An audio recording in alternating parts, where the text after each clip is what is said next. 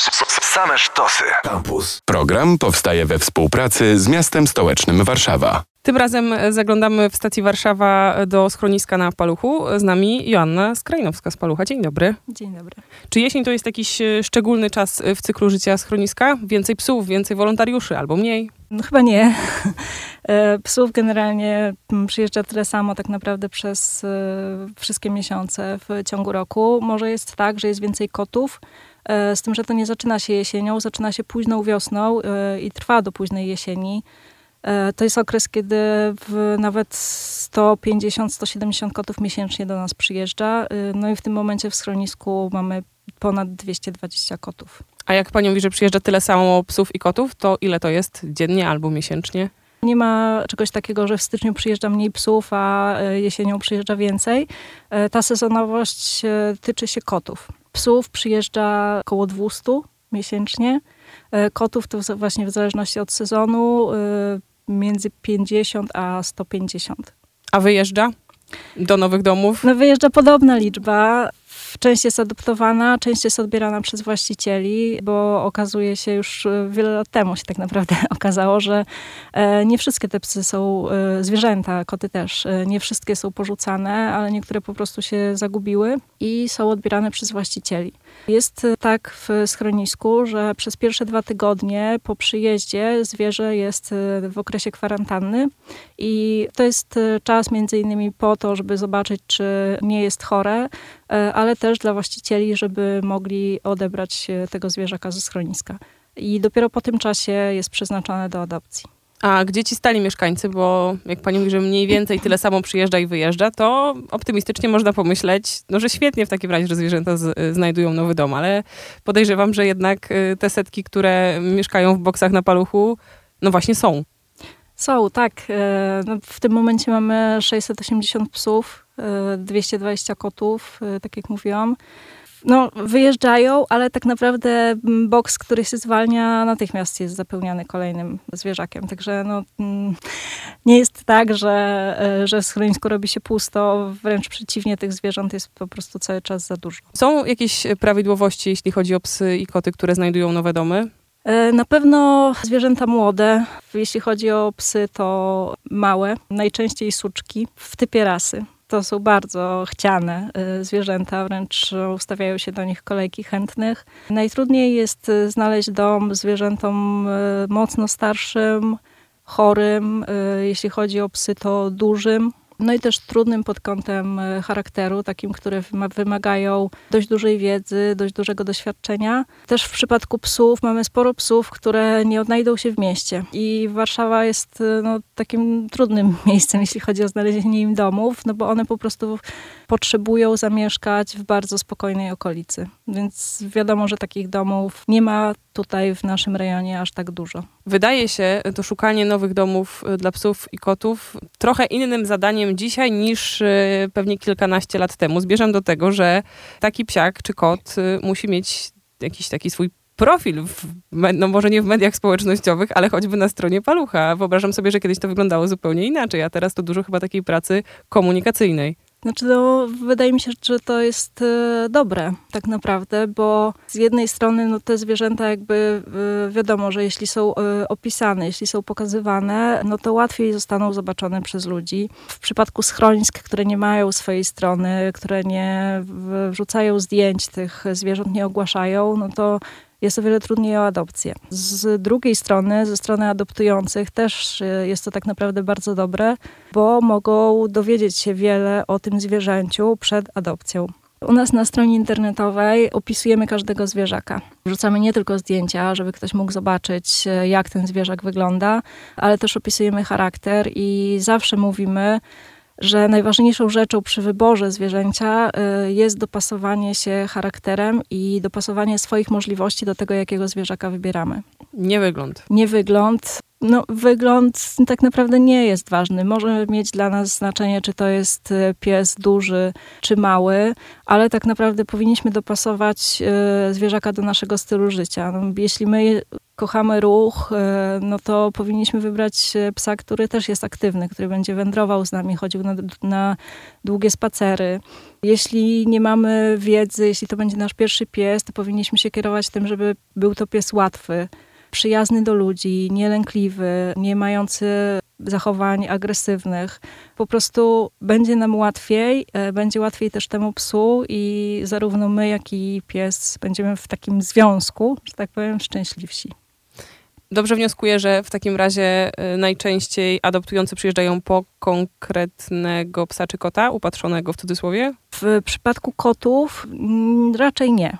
Przychodzą, odwiedzają kociarnię i wtedy wybierają sobie e, kota. Potem składają, jakby w trakcie tej jednej wizyty, składają ankietę w biurze adopcji, jest przeprowadzana krótka rozmowa. Jeśli wszystko wypada pozytywnie, to w ciągu tej jednej wizyty można zabrać e, kota do domu. Mm, jeśli chodzi o psa, tutaj proces jest, jest trochę dłuższy i można jakby wybrać psa na dwa sposoby. Albo przyjechać do schroniska. Y, my jesteśmy otwarci codziennie między 12 a 17 dla wszystkich odwiedzających. Przejść się po schronisku i szukać konkretnego psa w boksach, albo zajrzeć na naszą stronę internetową.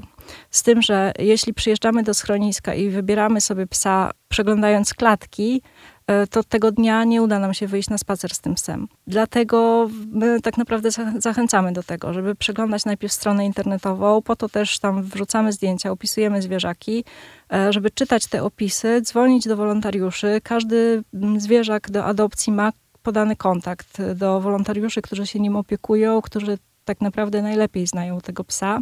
I już tak naprawdę w tej wstępnej rozmowie czasami wynika, że no nie będzie to dobry wybór dla nas.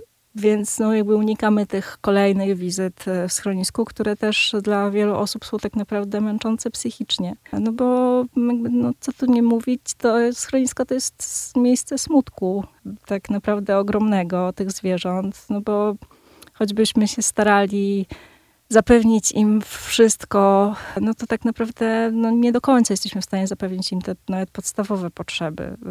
Y, nawet jeśli chodzi o spacery, one tych spacerów po prostu mają za mało. Za mało kontaktu z człowiekiem, za mało snu, odpoczynku. Te zwierzęta są tak naprawdę w takim ciągłym stanie czuwania. Więc no jest to, jest to miejsce trudne.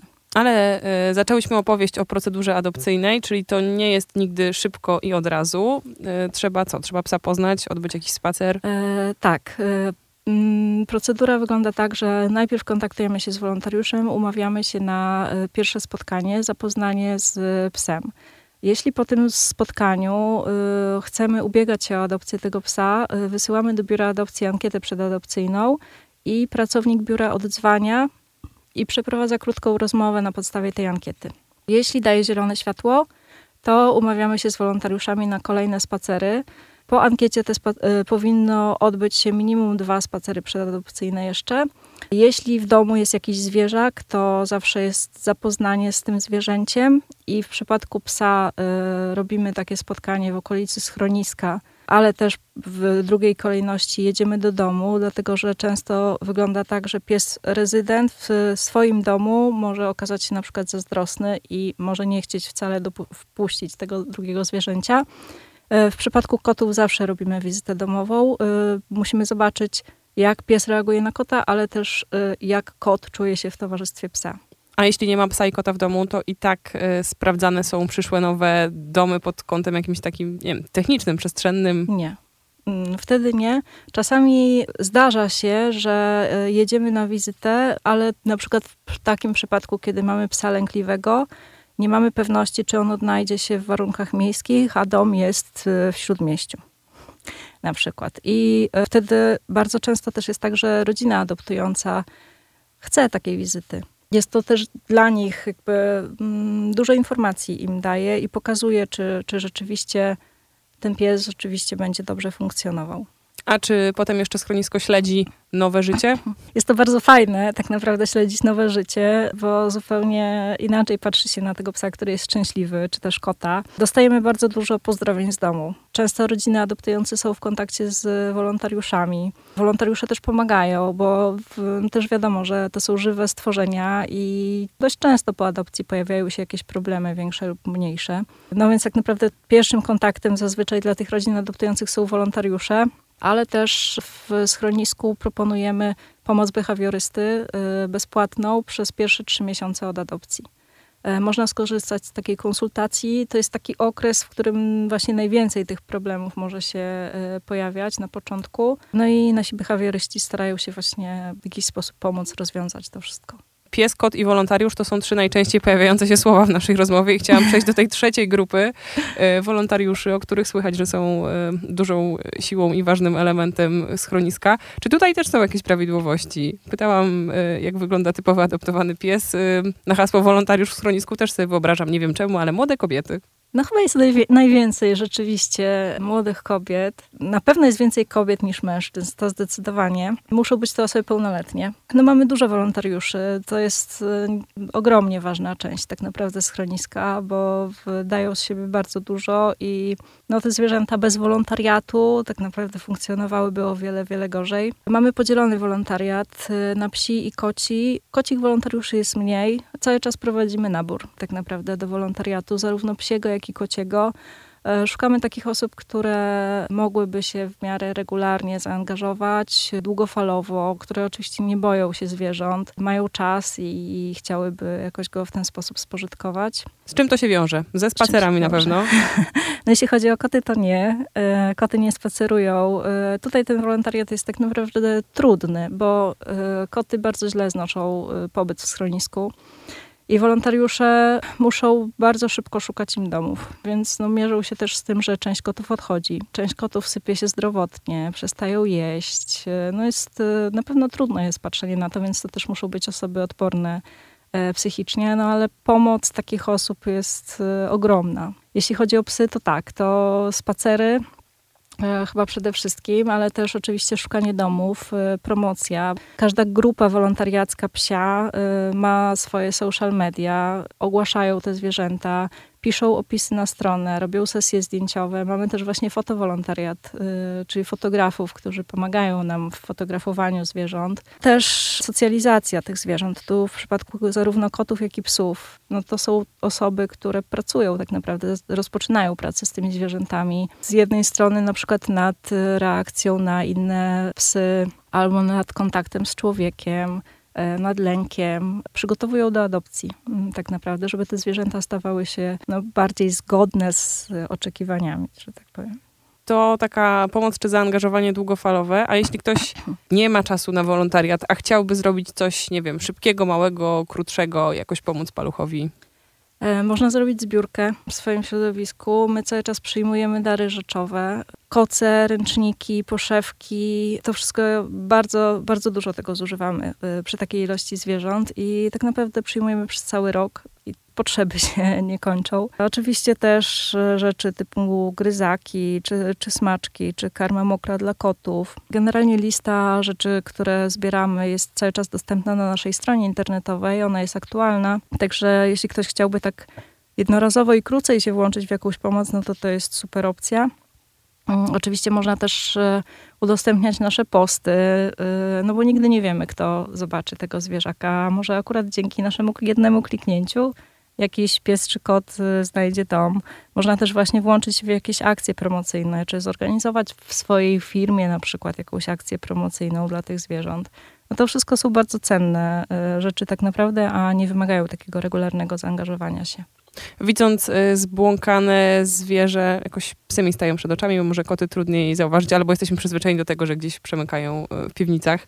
Dzwonimy y, na Ekopatrol, do Straży Miejskiej czy na Paluch? Na Paluch nie. Możemy zadzwonić do Straży Miejskiej, do Ekopatrolu, ale też jeśli to zwierzę do nas podchodzi, no to możemy je po prostu zabezpieczyć, bo no, najważniejsze jest, żeby nic mu się nie stało. Jeśli biega tutaj po Warszawie przy ulicach, no to bardzo łatwo w strachu, bo zazwyczaj te zwierzęta, które się zgubiły, są po prostu przestraszone. Bardzo łatwo jest o wypadek. I jeśli zabezpieczymy takie zwierzę, to możemy podejść do najbliższej lecznicy. W lecznicach weterynaryjnych też y, dostępne są czytniki chipów. Y, I pierwsza rzecz właśnie, jaką powinniśmy zrobić, to sprawdzić, czy ten zwierzak nie, nie jest zaczipowany. Oczywiście możemy też zadzwonić na Ekopatrol i Ekopatrol też sprawdza, y, czy, te, czy taki pies nie ma chipa. No jeśli nie ma, no to, to zazwyczaj trafia do nas do schroniska. Prawie na koniec y, mam fundamentalne pytanie. Skąd biorą się zwierzaki w schronisku? Z ulic? Trudno powiedzieć. Tak naprawdę pewnie mają różne historie. Niektóre się rzeczywiście zagubiły. Około 30% psów jest odbieranych przez właścicieli. Jeśli chodzi o koty, no to tych odbiorów jest dużo mniej. E, więc też nie wiemy, czy, czy rzeczywiście mniej kotów jest zagubionych, czy jakby świadomość e, tego wśród kociarzy, żeby szukać zwierzaka w schronisku jest mniejsza. Tak, mogły się zagubić, e, mogły też oczywiście zostać wyrzucone, porzucone. Ostatnio mm, przyjechało do nas siedem szczeniąt znalezionych w kartonie na targówku. E, więc no, takie, takie sytuacje oczywiście mnóstwo jest e, porzuceń zwierząt. A takie mm. interwencje to nie paluch Interwencje, pewnie? my nie robimy interwencji, ale przyjeżdżają do nas zwierzęta z interwencji. Zdarza się, że przyjeżdżają ze złych warunków, e, są odbierane właścicielowi, no ale to chyba jest mniejszość jednak. Większość to są zwierzęta zagubione lub porzucone ten taki stereotypowy, chociaż nie wiem właściwie, czy powinniśmy go nagłaśniać, ale myślę o ludziach, którzy podrzucają zwierzęta bezpośrednio do schroniska?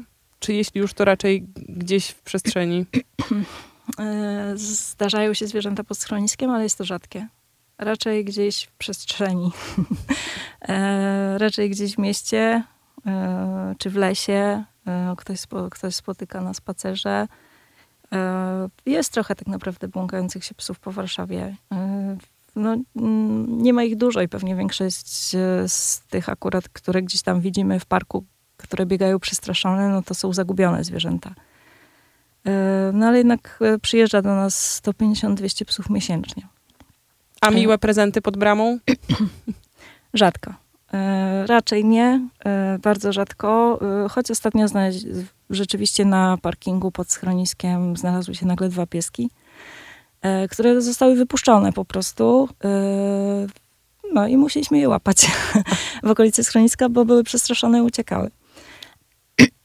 Ale to też jest tak, że mm, dlatego my cały czas tak naprawdę e, mamy tą świadomość, że bezdomność się nie kończy. I niezależnie od tego, jak dużo będzie adopcji, jak bardzo będziemy promować te zwierzęta, no to w ten sposób sobie nie poradzimy z bezdomnością. Dlatego cały czas mówimy o kastracji, o odpowiedzialności. E, no bo tak naprawdę no, na miejsce jednego zwierzęcia, które jedzie do domu, natychmiast pojawia się kolejne. I no, ta liczba zwierząt bezdomnych nie, nie spada. No i chyba tylko taka praca u podstaw, edukacja, uczenie, odpowiedzialności za zwierzęta. Mm. Jakaś zmiana podejścia, większa Zmiana podejścia, tak. No to chyba tylko to jest y, w stanie jakoś ograniczać tą bezdomność. No i właśnie y, kastracja, która tak naprawdę nie jest y, tematem medialnym, e, nie jest jakby często podchwytywana. Mm, no ale jest to jedyne narzędzie, które może pomóc rozwiązać ten problem. Mhm, czyli po prostu kontrola urodzeń, świadomość. Tak, no bo rodzi się bardzo dużo zwierząt, które tak naprawdę od początku są niechciane. E, czy, czy też szczenięta, e, o których mówiłam, e, czy też kociaki, które właśnie od wiosny mm, zwiększa się bardzo napływ kotów do schroniska i przyjeżdżają do nas całymi miotami. Malutkie kociaki, niektóre są tak małe, że jeszcze nawet nie umieją jeść, są karmione przez nas z butelki. E, no, duża część tych e, kotków niestety nie jest w stanie przeżyć w warunkach schroniska, dlatego my je po prostu musimy bardzo szybko wydawać do domów. E, no ale to wszystko właśnie, gdyby, gdyby zwierzęta były kastrowane, no to te niechciane od początku nie przychodziłyby na świat.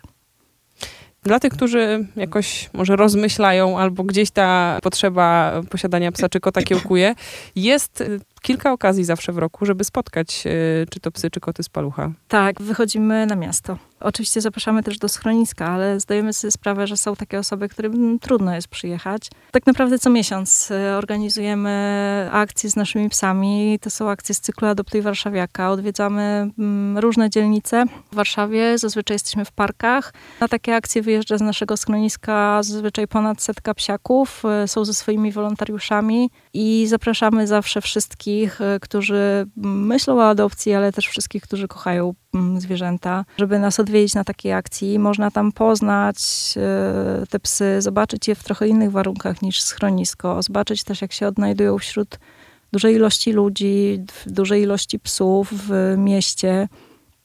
I to jest tak naprawdę bardzo fajna okazja, żeby zacząć może e, proces adopcyjny i żeby pokochać jakiegoś takiego jednego futrzaka. Teraz będziemy w najbliższym czasie, 22 października, robić taką trochę nietypową akcję, którą e, organizowaliśmy przed pandemią. Niestety pandemia nam ją przerwała. E, będzie to Marsz Kundelków. Będziemy ruszać z podpomnika Mikołaja Kopernika na krakowskim przedmieściu i kierować się w stronę Starówki. E, na końcu e, tego marszu na Podzamczu będzie stało nasze stoisko i tam będziemy bezpłatnie chipować e, zwierzęta właścicielskie. Więc tak, zapraszamy wszystkich, którzy mają psy, którzy mają kundelki, którzy chcieliby pokazać, że nierasowe też są super, żeby poszli z nami bo taka ilość kundelków naprawdę robi super wrażenie. E, I zapraszamy też wszystkie osoby, które mają psa, który nie jest jeszcze zaczipowany, właśnie na to bezpłatne chipowanie. E, no bo tak naprawdę zaczipowany pies o wiele łatwiej wróci do nas w przypadku zaginięcia, a samo chipowanie trwa dosłownie kilka sekund. 22 października i Marsz Kundelków e, to właściwie jedyna konkretna data, na którą się powoływałyśmy, bo wcześniej mnóstwo o wolontariacie i podopiecznych schroniska, gdzie daty nie obowiązują, ale prawidłowości już tak, co udało nam się ustalić w rozmowie z Joanną Skrajnowską z Palucha właśnie. Dziękuję. Dziękuję bardzo. Program powstaje we współpracy z miastem stołecznym Warszawa. Radio Campus. Same sztosy.